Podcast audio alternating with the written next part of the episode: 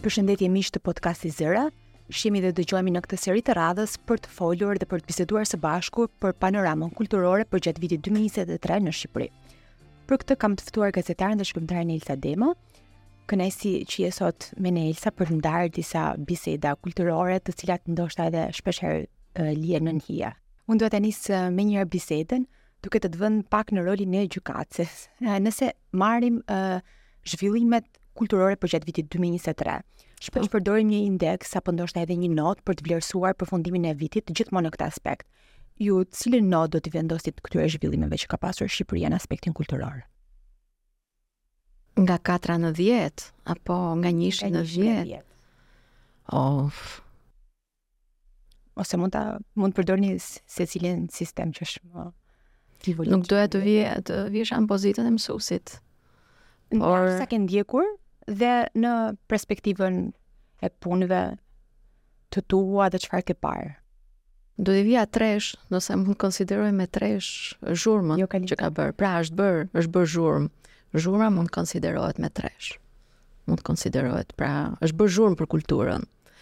Nëse mm, i referohem pastaj konkretisht dhe të flasim seriozisht, raportit më të fundit që Ministria e Kulturës ka pasur në Komisionin Parlamentar një raport ku mund të shihet një lloj krahasimi mes 2023-shit dhe asaj çfarë na pret në 2024-ën. Pra projektbuxheti që Ministria e Kulturës ka bërë të ditur në muajin nëntor nuk është asnjë buxhet mbresëlënës, do thosha që pika ku duhet të kapemi fort ne gazetarët për ta pasur në fokus dhe për ta pasur në qëndër të vëmëndjes Ministrinë e Kulturës është kjo konsekuenca e saj për kulturturizmin.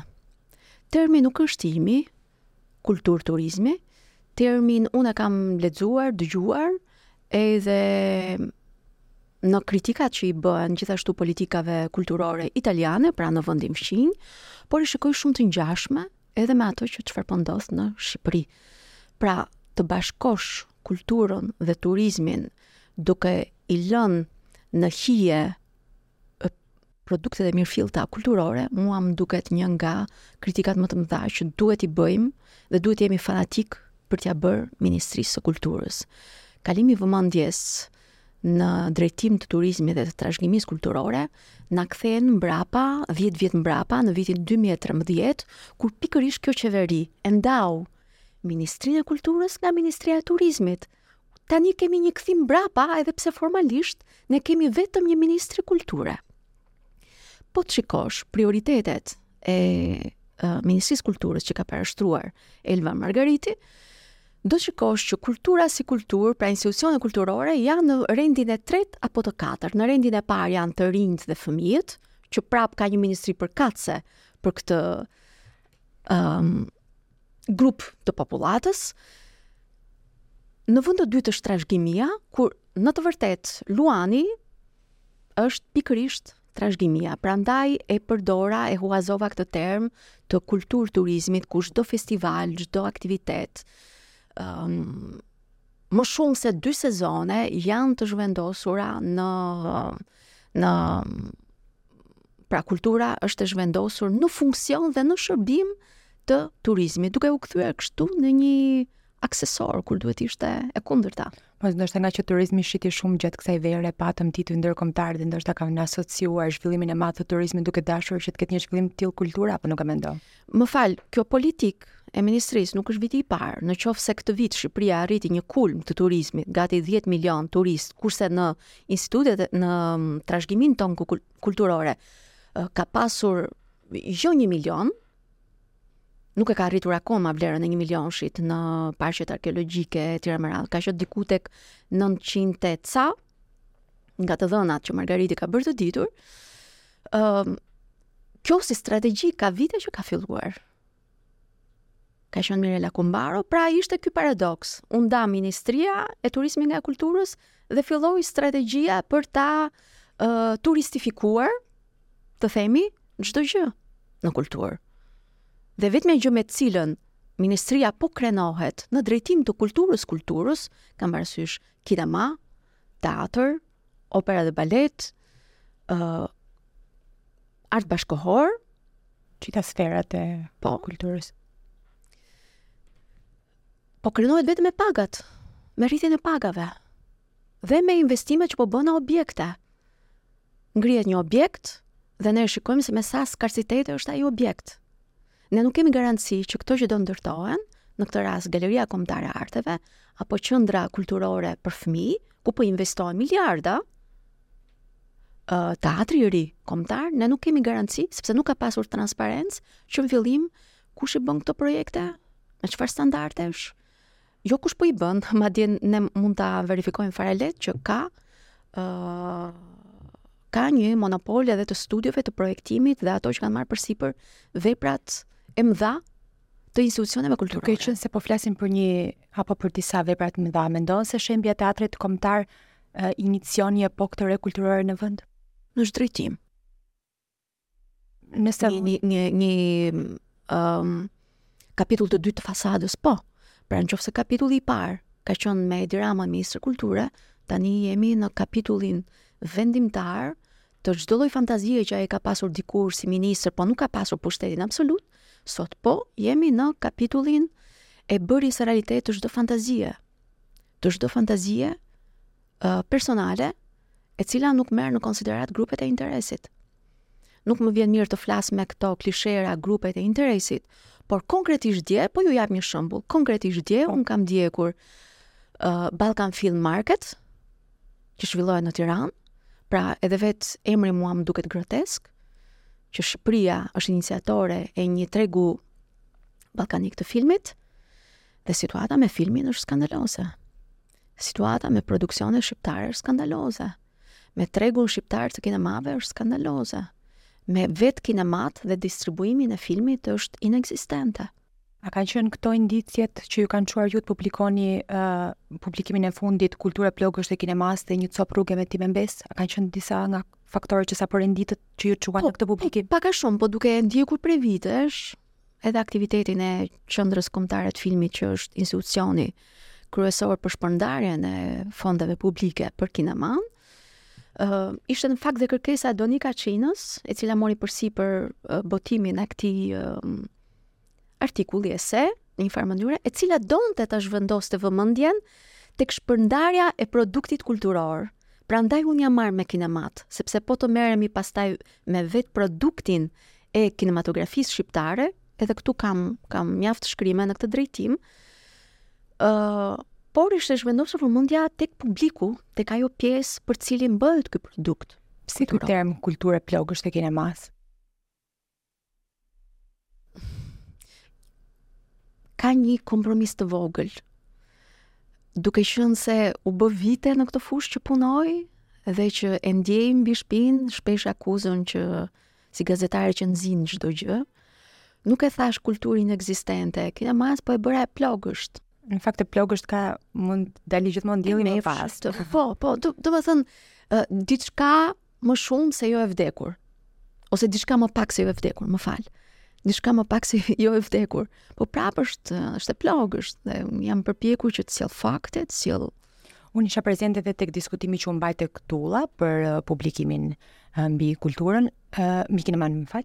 Dhe doja të ndanim për njerëzit që nuk kanë pasur mundësi ta kenë në dorë këtë publikim, ndoshta dy tre përfundime të rëndësishme që vlen të përmendim për uh, situatën e kinematografisë në këto vitet e fundit apo çfarë ke cekur ti. Po, un kam um, dashur dhe besoj kam arritur që të jap një lloj kategorizimi të formave ku shfaqet filmi. Pra qoftë forma këto hapësira publike, qoftë edhe hapësira private.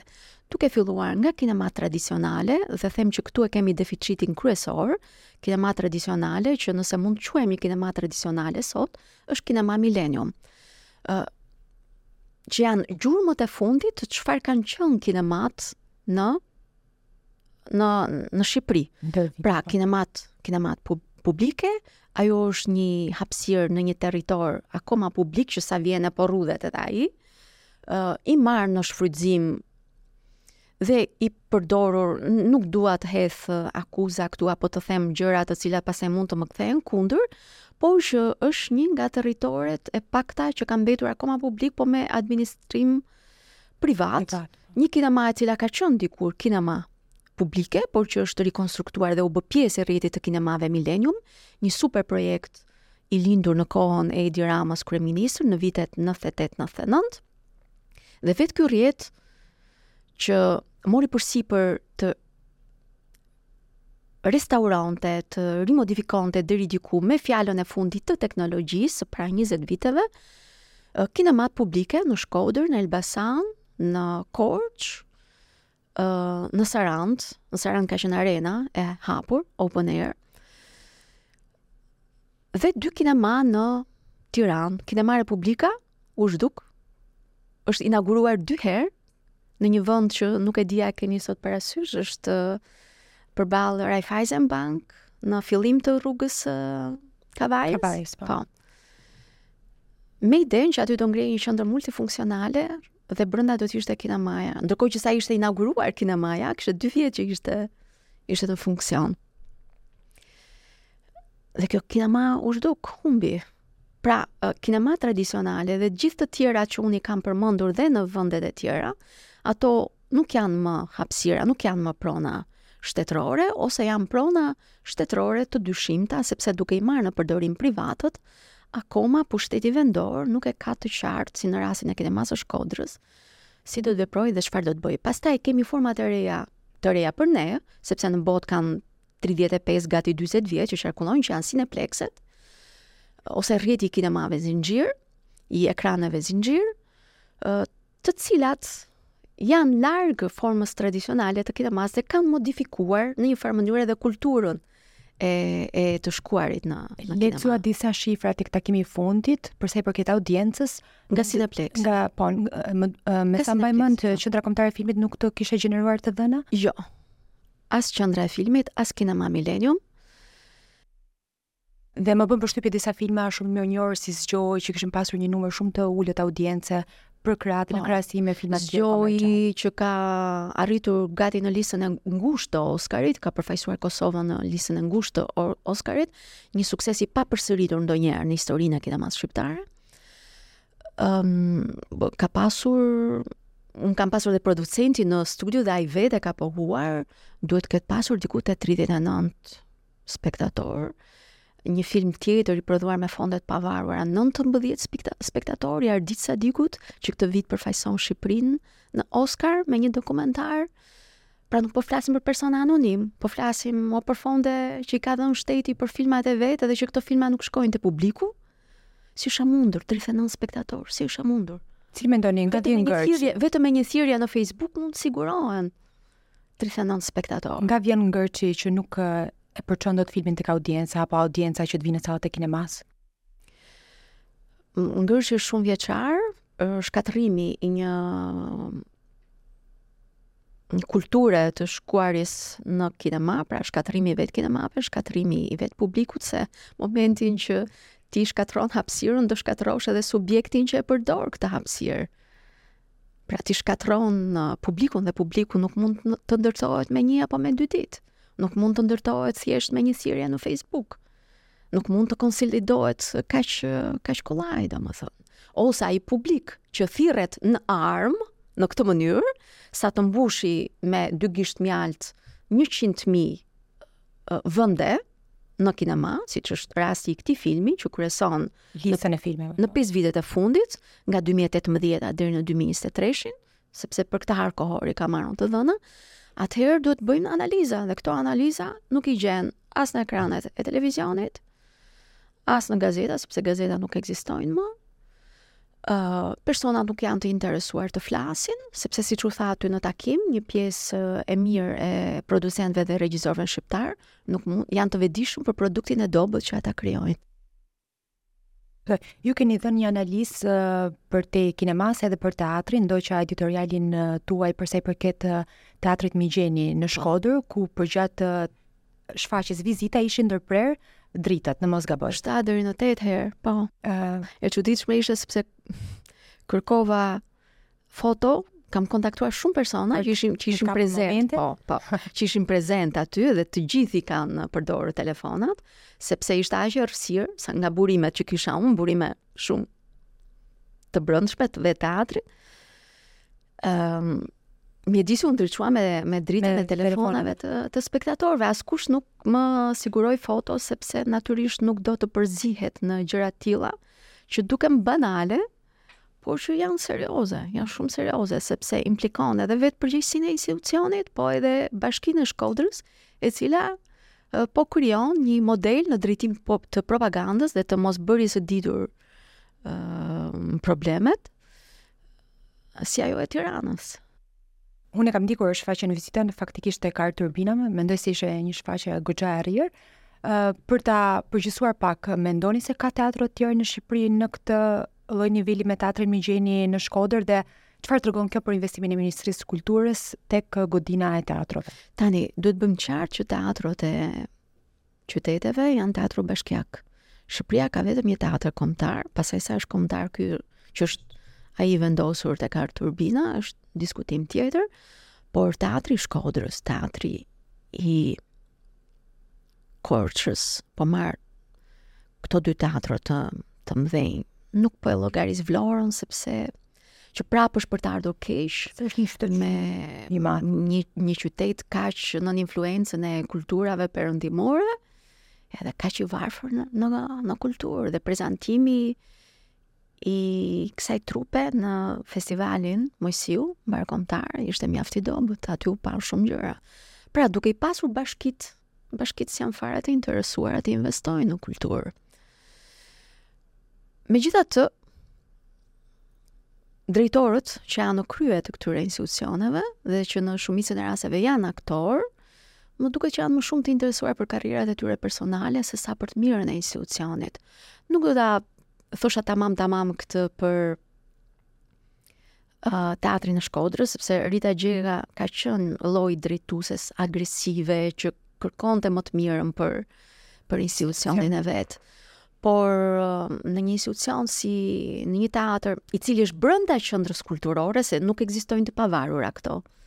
Janë qendra kulturore, është teatri brenda qendrës kulturore, si ai i Korçës, që um, është kthyer në një pazar të madh të kulturës. Pati ndonjë reagim nga teatri i Shkodrës pas editorialit? Jo, asnjë reagim, them të drejtën, unë jam që por ka pas reagime nga njerëzit, nga po, njerëz parë goxha dhe në rrjetet sociale. A nuk e di, në jo, rrjetet sociale po në telefon kam... më kanë shkruar njerëz të cilët s'kan lidhje me teatrin dhe e gjetën me vend atë tërheqje vëmendje. Kështu që Do thosha, unë jam shumë skeptike për uh, ato çfarë mund të bëjnë drejtuesit e teatrove, sepse ata janë kthyer në një lloj ë uh, uh, modeli qeverisje si kryeministri që kanë janë vite të tëra aty në krye të teatrit dhe mm, llokoçiten në atë provincializmin e, e tyre, është, është e papranushme rasti i Vlorës, po edhe rasti i Korçës, thashë, domethënë të funksionojë me, me të njëjtin dramaturg, të vërë vetëm pjesët e të njëjtit dramaturg, ose në rastin e, um, Korçës të arrihet një kompromis, të vihet një pjesë aq e dobët vetëm e vetëm sepse Leka Bungo është një njeri me pushtet, është një njeri që drejton Këshillin Kombëtar të Radio Televizionit Shqiptar me një pjesë aq raciste, e pra këto gjëra nuk janë nuk janë diskutuar. Um, ashtu siç thatë edhe ju që ju drejtojnë shpesh që e nxini kritikën e jetës kulturore. Oh. Thjesht për ta dramatizuar pak. Ndoshta ka ndonjë iniciativë kulturore përgjatë vitit 2023 e cila meriton përmendet meqë po bëjmë një panoramë. Nëse ju vjen ndërmend apo nëse s'e ka. Po, qoftë edhe një shfaqje që ka lënë mbresë, edhe çfarëdo, në cilindo lloj zhanri të kulturës që mendon se kjo gjë ka qenë e mirë dhe i ka dhënë një spunto për pozi në anë pozitive jetës kulturore në vend. Shiko, brenda këtyre teatrove që unë përmenda, në rastin e teatrit po edhe në rastin e po. kinemas, ke përpjekje, ke ke artistë të cilët duan të dalin nga nga një strof, nga një monolog ose një monorol vetëm duke luajtur një pjesë aty, por që Kanë dhënë edhe tentativa, kanë bërë edhe përpjekje për regji, unë doja të përmendja këtu Vladimir Dodën për shembull. Vladimir Doda është aktor i teatrit Migjeni, është nga Lezha, ka luajtur tek vizita, vizita. është një djalë i formuar në në Itali, në La Sapienza dhe mundësitë përpjekjet e këtij njeriu, përpjekjet individuale janë vërtet të admirueshme dhe mua më vjen shumë keq që është penguar mjaft herë. Ai megjithatë ja ja ka dalë domethënë që ta ta tregojë veten se çfarë është në gjendje të bëjë. Ka vënë një pjesë, ka përkthyer vetë pjesën e ka vënë ëm në skenë dhe afroi shumë me ndjeshmërinë që Vladimiri për shembull ka pasur për shembjen e teatrit kombëtar, ka vënë në teatrin Metropol vetëm për dy net. Ëm um, e shikoj Vladimirin edhe mesazhe që ne përcjellim, domethënë kemi bashkë që sa djalë i, i, i dëshiruar për të për të lexuar, për t'u informuar, për të për ta vazhduar formimin e tij profesional është. Po Po dhe se kushtet janë ka ka edhe raste të tjera ose kemi rastin e Eneos Çarka, një regjisor, filmi i të cilit është refuzuar mjaft herë, e kam pasur dhe në dhe në emisione Eneos, Eneosin, është është refuzuar disa herë dhe filmi i tij shkon dhe e bën premierën në festivalin e dokumentarit në Amsterdam. një nga festivalet më më të rëndësishëm në në botë, domethënë për dokumentarin, dhe s'i ka bërë akoma 30 vjeç. Dhe ky djalë është refuzuar disa herë nga qendra kombëtare e e filmit me të njëjtin projekt dhe nga disa producentë. Pra, në qoftë se Shqipëria do bëhet, Shqipëria do bëhet nga individët. Puna është që ato institucione ku derdhen miliarda, më falni dhe ku paguan rrogëtarë, duhet që të shfrytëzojnë pikërisht këto energji. E kuptoj. Për ta, më vjen mirë që ndamë edhe shembuj pozitivë sepse është për t'u përmendur raste të tilla për t'i dhënë edhe një farë vlerësimi duke qenë se nuk e marrin nga institucionet shqiptare. Ose unë do të quaja një aktore tjetër si Loredana Gjeçi. Pavarësisht se Loredana mund ta shikosh që ajo të shkëlqejë në baltë, si një diamant në baltë, në sensin ajo mund të jetë më e mira në një vepër të dobët. Po jo duke krahasuar me të dobëtën, po duke e parë që potenciali i kësaj aktoreje të të shpërthejë edhe në një pjesë që madje ajo ta shpëtojë pjesën. Dhe deri dje Loredana ka qenë pa punë, vite të tëra pa punë, një nga aktoret që ka shkëlqyer dhe ka dalë në dritë në festivalin e teatrit për të rinj, një festival që nga qeveria aktuale u mbyll për 10 vjet dhe është rihapur vetëm vitin e kaluar. Pra po të përmend shembuj të cilët kanë dalë nga modele të mira që institucione kulturore kanë krijuar në dikur, por që janë janë ndërprerë. Janë ndërprerë në emër të reformave që qeveritë e Ramës kanë ndërmarrë në vite. Duke qenë që thamë disa shembuj të suksesshëm, uh, unë si ndjekëse juaj mendoj se 2023 e viti 2023 ka qenë i suksesshëm edhe për ju, duke e lidhur me botimin Te teatri, i cili mendoj se është një libër dhe vepër shumë shumë mirë, unë kam lexuar pjesën më të madhe të tij. Doja të të pyesja, ky botim ka ardhur si në mënyrë spontane si përmbledhje e gjithë punës suaj ndër vite apo artikujve, materialeve që keni pasur në lidhje me veprat kulturore apo si një boshllëk që la shembja e godinës së teatrit kombëtar. Apo ndoshta të dyjave bashkë. Po, fakti që u botua pas shembjes së teatrit, unë do doja që të reflektonte edhe këtë shenjë. edhe këtë traumë. Por një pjesë e mirë e shkrimeve reflektojnë dhe tregojnë dhe japin atë çfarë ka qenë ky institucion në vite. Pra kam dashur që aty të pasqyrohet edhe aktualiteti në momentin kur ky libër është botuar. Pra pse tani? Është kjo është përgjigja që të jap këtë këtë gjurmë të mm, shembjes së teatrit. Po nga ana tjetër, edhe të ketë një një vështrim më më të shtrirë në kohë mbi këtë institucion të cilin unë e kam ndjekur me bukë në trastë. dhe jo vetëm atë, po, edhe edhe institucionet e tjera janë shumë shkrime të tjera të cilat presin në arkivën time. Unë jam duke i du, jam duke i grupuar, duke i bërë gati dhe do doja shumë t'i botoja Aty janë një pjesë e mirë që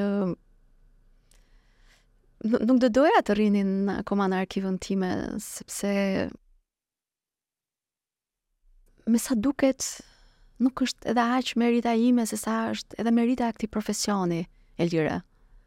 Ky është një profesion që Thonë që është efemer, që është kalimtar, po jo nuk është ashtu.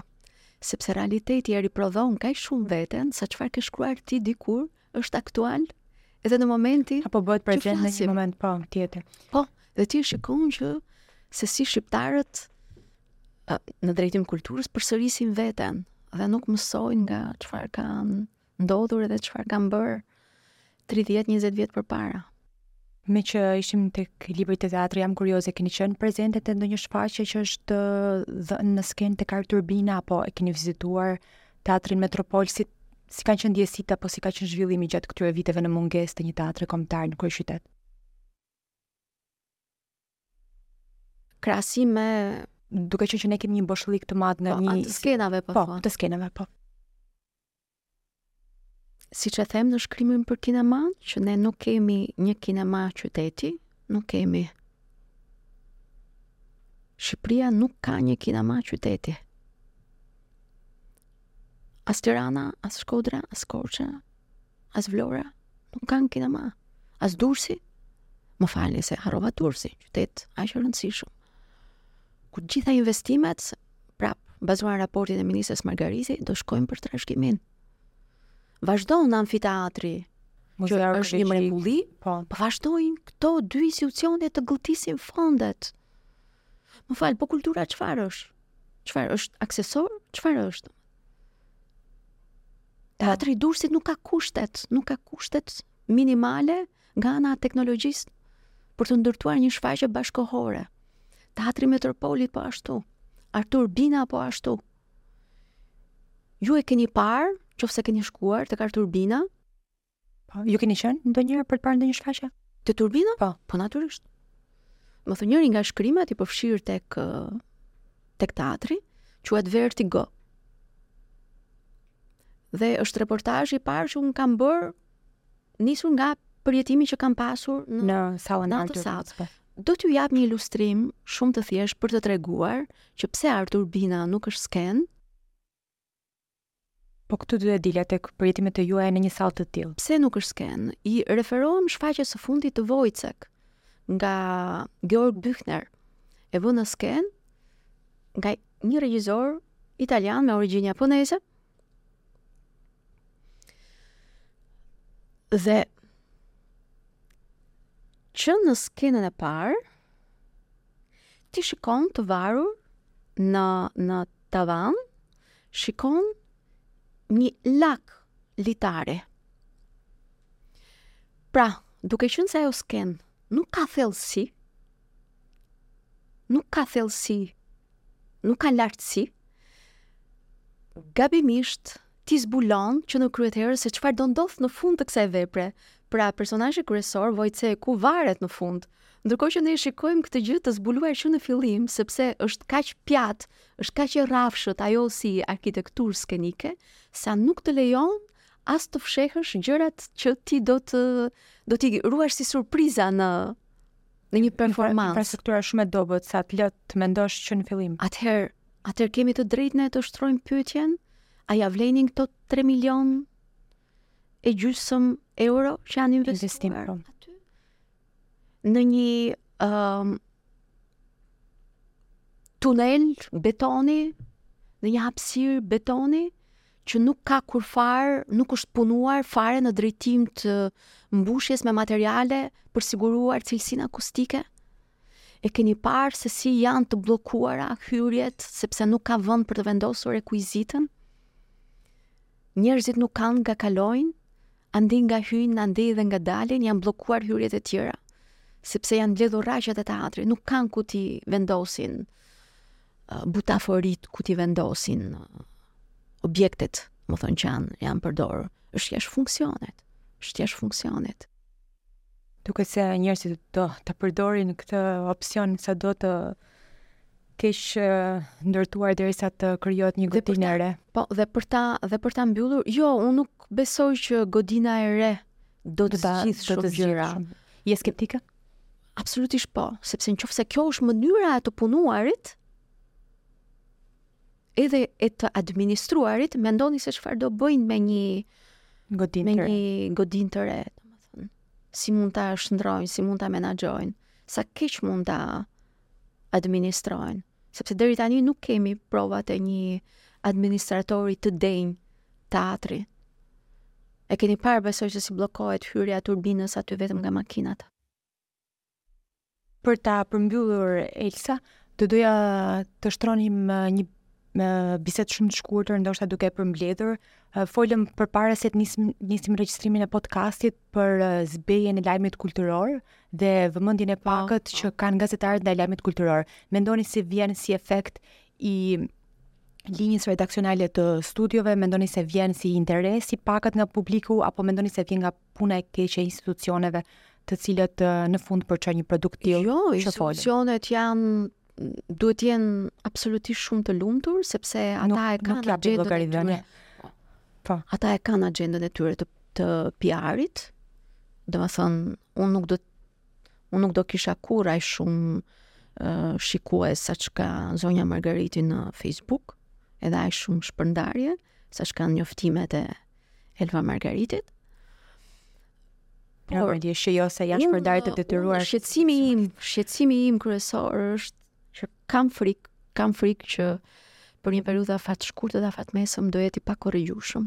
Do të vijojë e njëjta situatë? Absolutisht po. Humbja e gazetave, humbja e gazetarit të shtypit të shkruar, ne po na kushton shumë. Ne po na kushton shumë. Nuk po na kushton kjo në botën online që po jo, zhvillohet ditët e jo, sotme. Jo, nuk mundet. Nuk mundet absolutisht. Shkrimet e portalit nuk mundet 10 radhë shkrim të zëvendësojnë qëndrimin, invest, më falni. Po, po, po. Qëndrimin, investigimin, raportimin e thelluar. Megjithëse ju keni bërë shkrime shumë të mira tek për shembull tek faqja Peizazhe, në sensin a ka hapësira Absolutisht, nuk ka. Këtë po them, nuk ka hapësira. Nuk ke më gazeta. Domethënë, qoftë se një pjesë e mirë e teatrit, e librit për teatrit, uh, një pjesë e mirë e shkrimeve, kanë dalë nga Shekulli dhe atëherë kjo tregon edhe rëndësinë që ka pasur shtypi i shkruar. Ato janë shkrime që janë bërë për shtypin e shkruar. Pra një gazetar i cili përgatitet për formën e sotshme të raportimit, të lajmit edhe të botës shqiptare, pa kaluar nga shtypi i shkruar, është e vështirë, është shumë e vështirë që të të presim një gazetari kulturore cilësore dhe mos investimi i institucioneve, mos investimi i institucioneve mediatike flas, i televizioneve kombëtare në këtë drejtim, ku të ketë emisione të posaçme për kinemanë, për teatrin, ose qoftë emisione gjeneraliste për kulturën, po ama të kenë minutazh të plotë, gjërat nuk kanë për të ndryshuar. Sepse këto emisione do të zëvendësonin deri diku uh, mungesën e hapësirës uh, për kulturën në shtypin e shkruar. Kjo ka dembelosur pastaj gazetarët.